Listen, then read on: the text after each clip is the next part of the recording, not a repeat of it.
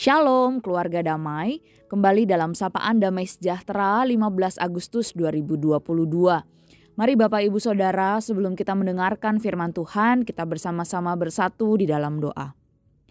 Bapa kami yang bertata di dalam kerajaan surga, saat ini kami sungguh mengucap syukur ya Tuhan untuk segala anugerah, kesempatan untuk kami bisa menikmati hari yang baru dengan kekuatan yang baru daripada Tuhan.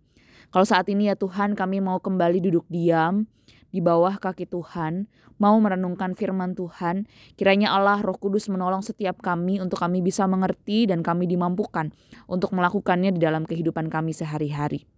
Terima kasih Tuhan Yesus, di dalam nama Tuhan Yesus kami berdoa dan siap mendengarkan kebenaran firman-Mu. Amin. Bapak Ibu Saudara, perenungan firman Tuhan kita pada hari ini terambil di dalam 1 Yohanes 4, ayatnya yang pertama hingga ayatnya yang keenam. 1 Yohanes 4 ayat yang pertama hingga ayat yang keenam, demikian bunyi firman Tuhan. Roh Allah dan roh antikristus. Saudara-saudaraku yang kekasih, janganlah percaya akan setiap roh, tetapi ujilah roh-roh itu. Apakah mereka berasal dari Allah?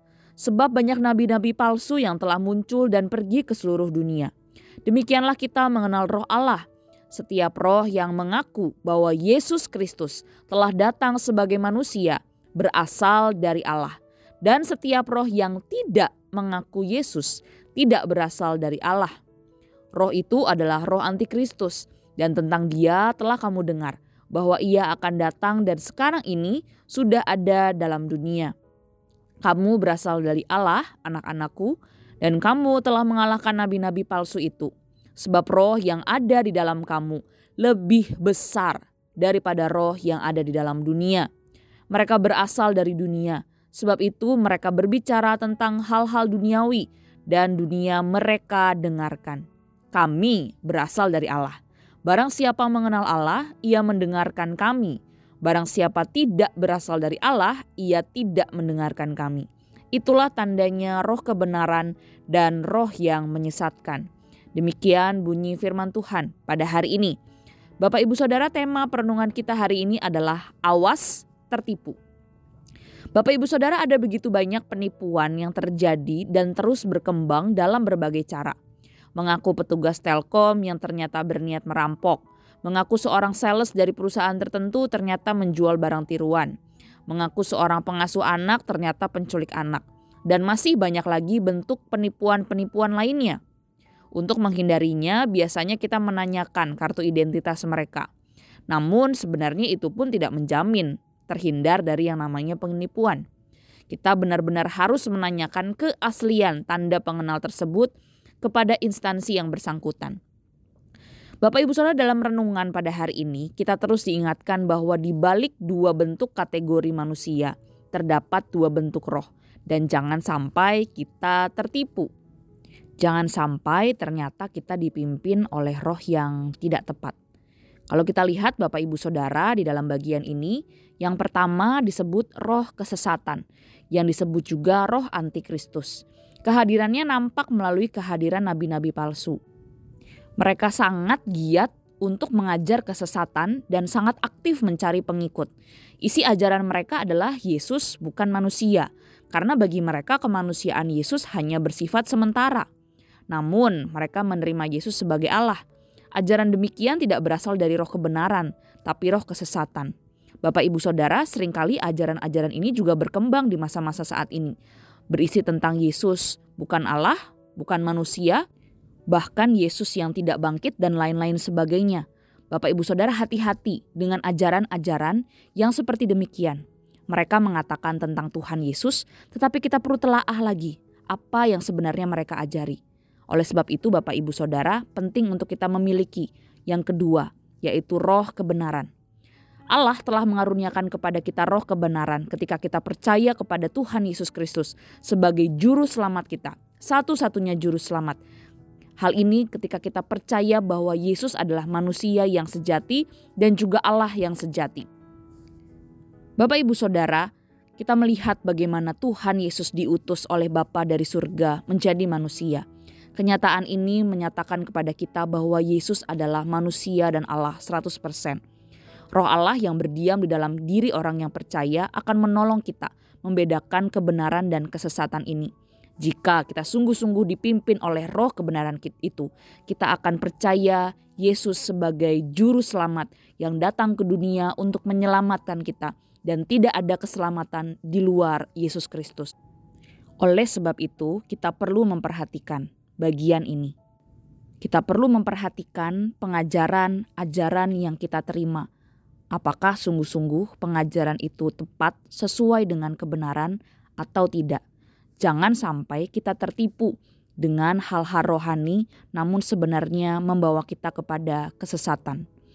Betapa sulitnya menguji status dan identitas seseorang, masih lebih mudah dibandingkan menguji roh, apakah seseorang berasal dari Allah atau bukan. Siapa saja yang bukan dari Allah adalah nabi-nabi palsu yang tidak menyuarakan kebenaran karena mereka tidak mengakui Kristus. Mereka bicara mengenai dunia kepada dunia dan dunia mendengarkan mereka. Inti dari ajaran mereka adalah dunia. Sebaliknya siapa yang berasal dari Allah pasti mengakui Yesus Kristus dan menyuarakan kebenaran. Dunia memang tidak mau mendengarkan, tetapi orang-orang yang mau mengenal Tuhan mau mendengarkannya. Lalu bagaimana kita menguji seseorang dari Allah atau bukan? Seseorang bukan dari Allah akan melakukan segala sesuatu untuk menyenangkan dunia, mengikuti cara dunia, menceritakan yang enak didengar di telinga, menjanjikan sesuatu kenikmatan dengan cara yang mudah, memanipulasi kebahagiaan, mencemarkan hidup demi kepuasan, dan tidak menghargai pemberian Tuhan. Semuanya ini tidak mungkin dilakukan oleh anak-anak Allah yang senantiasa memikirkan, mendengarkan, mengajarkan, melakukan, dan mengatakan apa yang benar. Oleh sebab itu, Bapak, Ibu, Saudara, kita sebagai anak-anak Allah perlu memperhatikan bagian ini. Jangan sampai apa yang kita dengarkan nampaknya mungkin benar, nampaknya mungkin sesuai dengan firman Tuhan. Tetapi ternyata mereka itu semua membawa kita kepada kesesatan.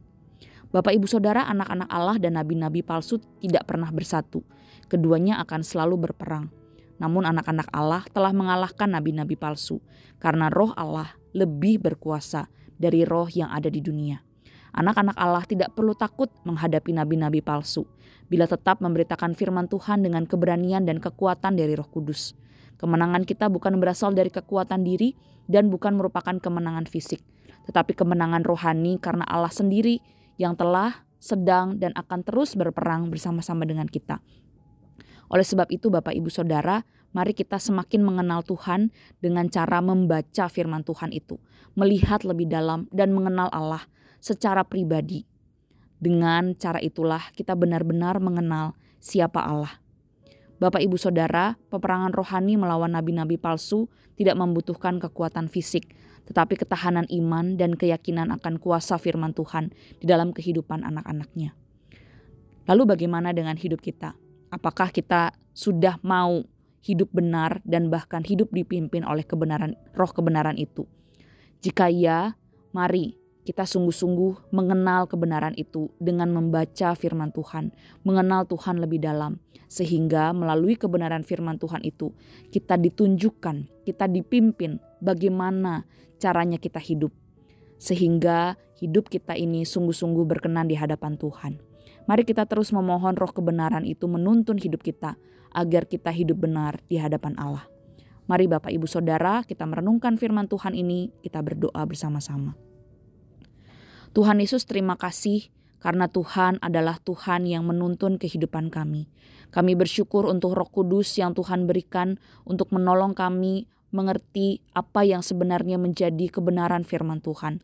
Oleh sebab itu ya Tuhan kami minta pertolongan, minta tuntunan roh kudus untuk menolong kami mengerti firman Tuhan dan bahkan kami semakin mengenal Tuhan. Sehingga melalui kehidupan kami, kami pun dituntun sehingga kami menyenangkan hati Tuhan dan hidup berkenan di hadapan Tuhan. Terima kasih Tuhan Yesus, kiranya Tuhan sendiri yang menolong kami untuk melakukan kebenaran firman Tuhan ini. Di dalam nama Tuhan Yesus kami berdoa dan mengucap syukur. Amin. Selamat beraktivitas Bapak Ibu Saudara, Tuhan Yesus memberkati.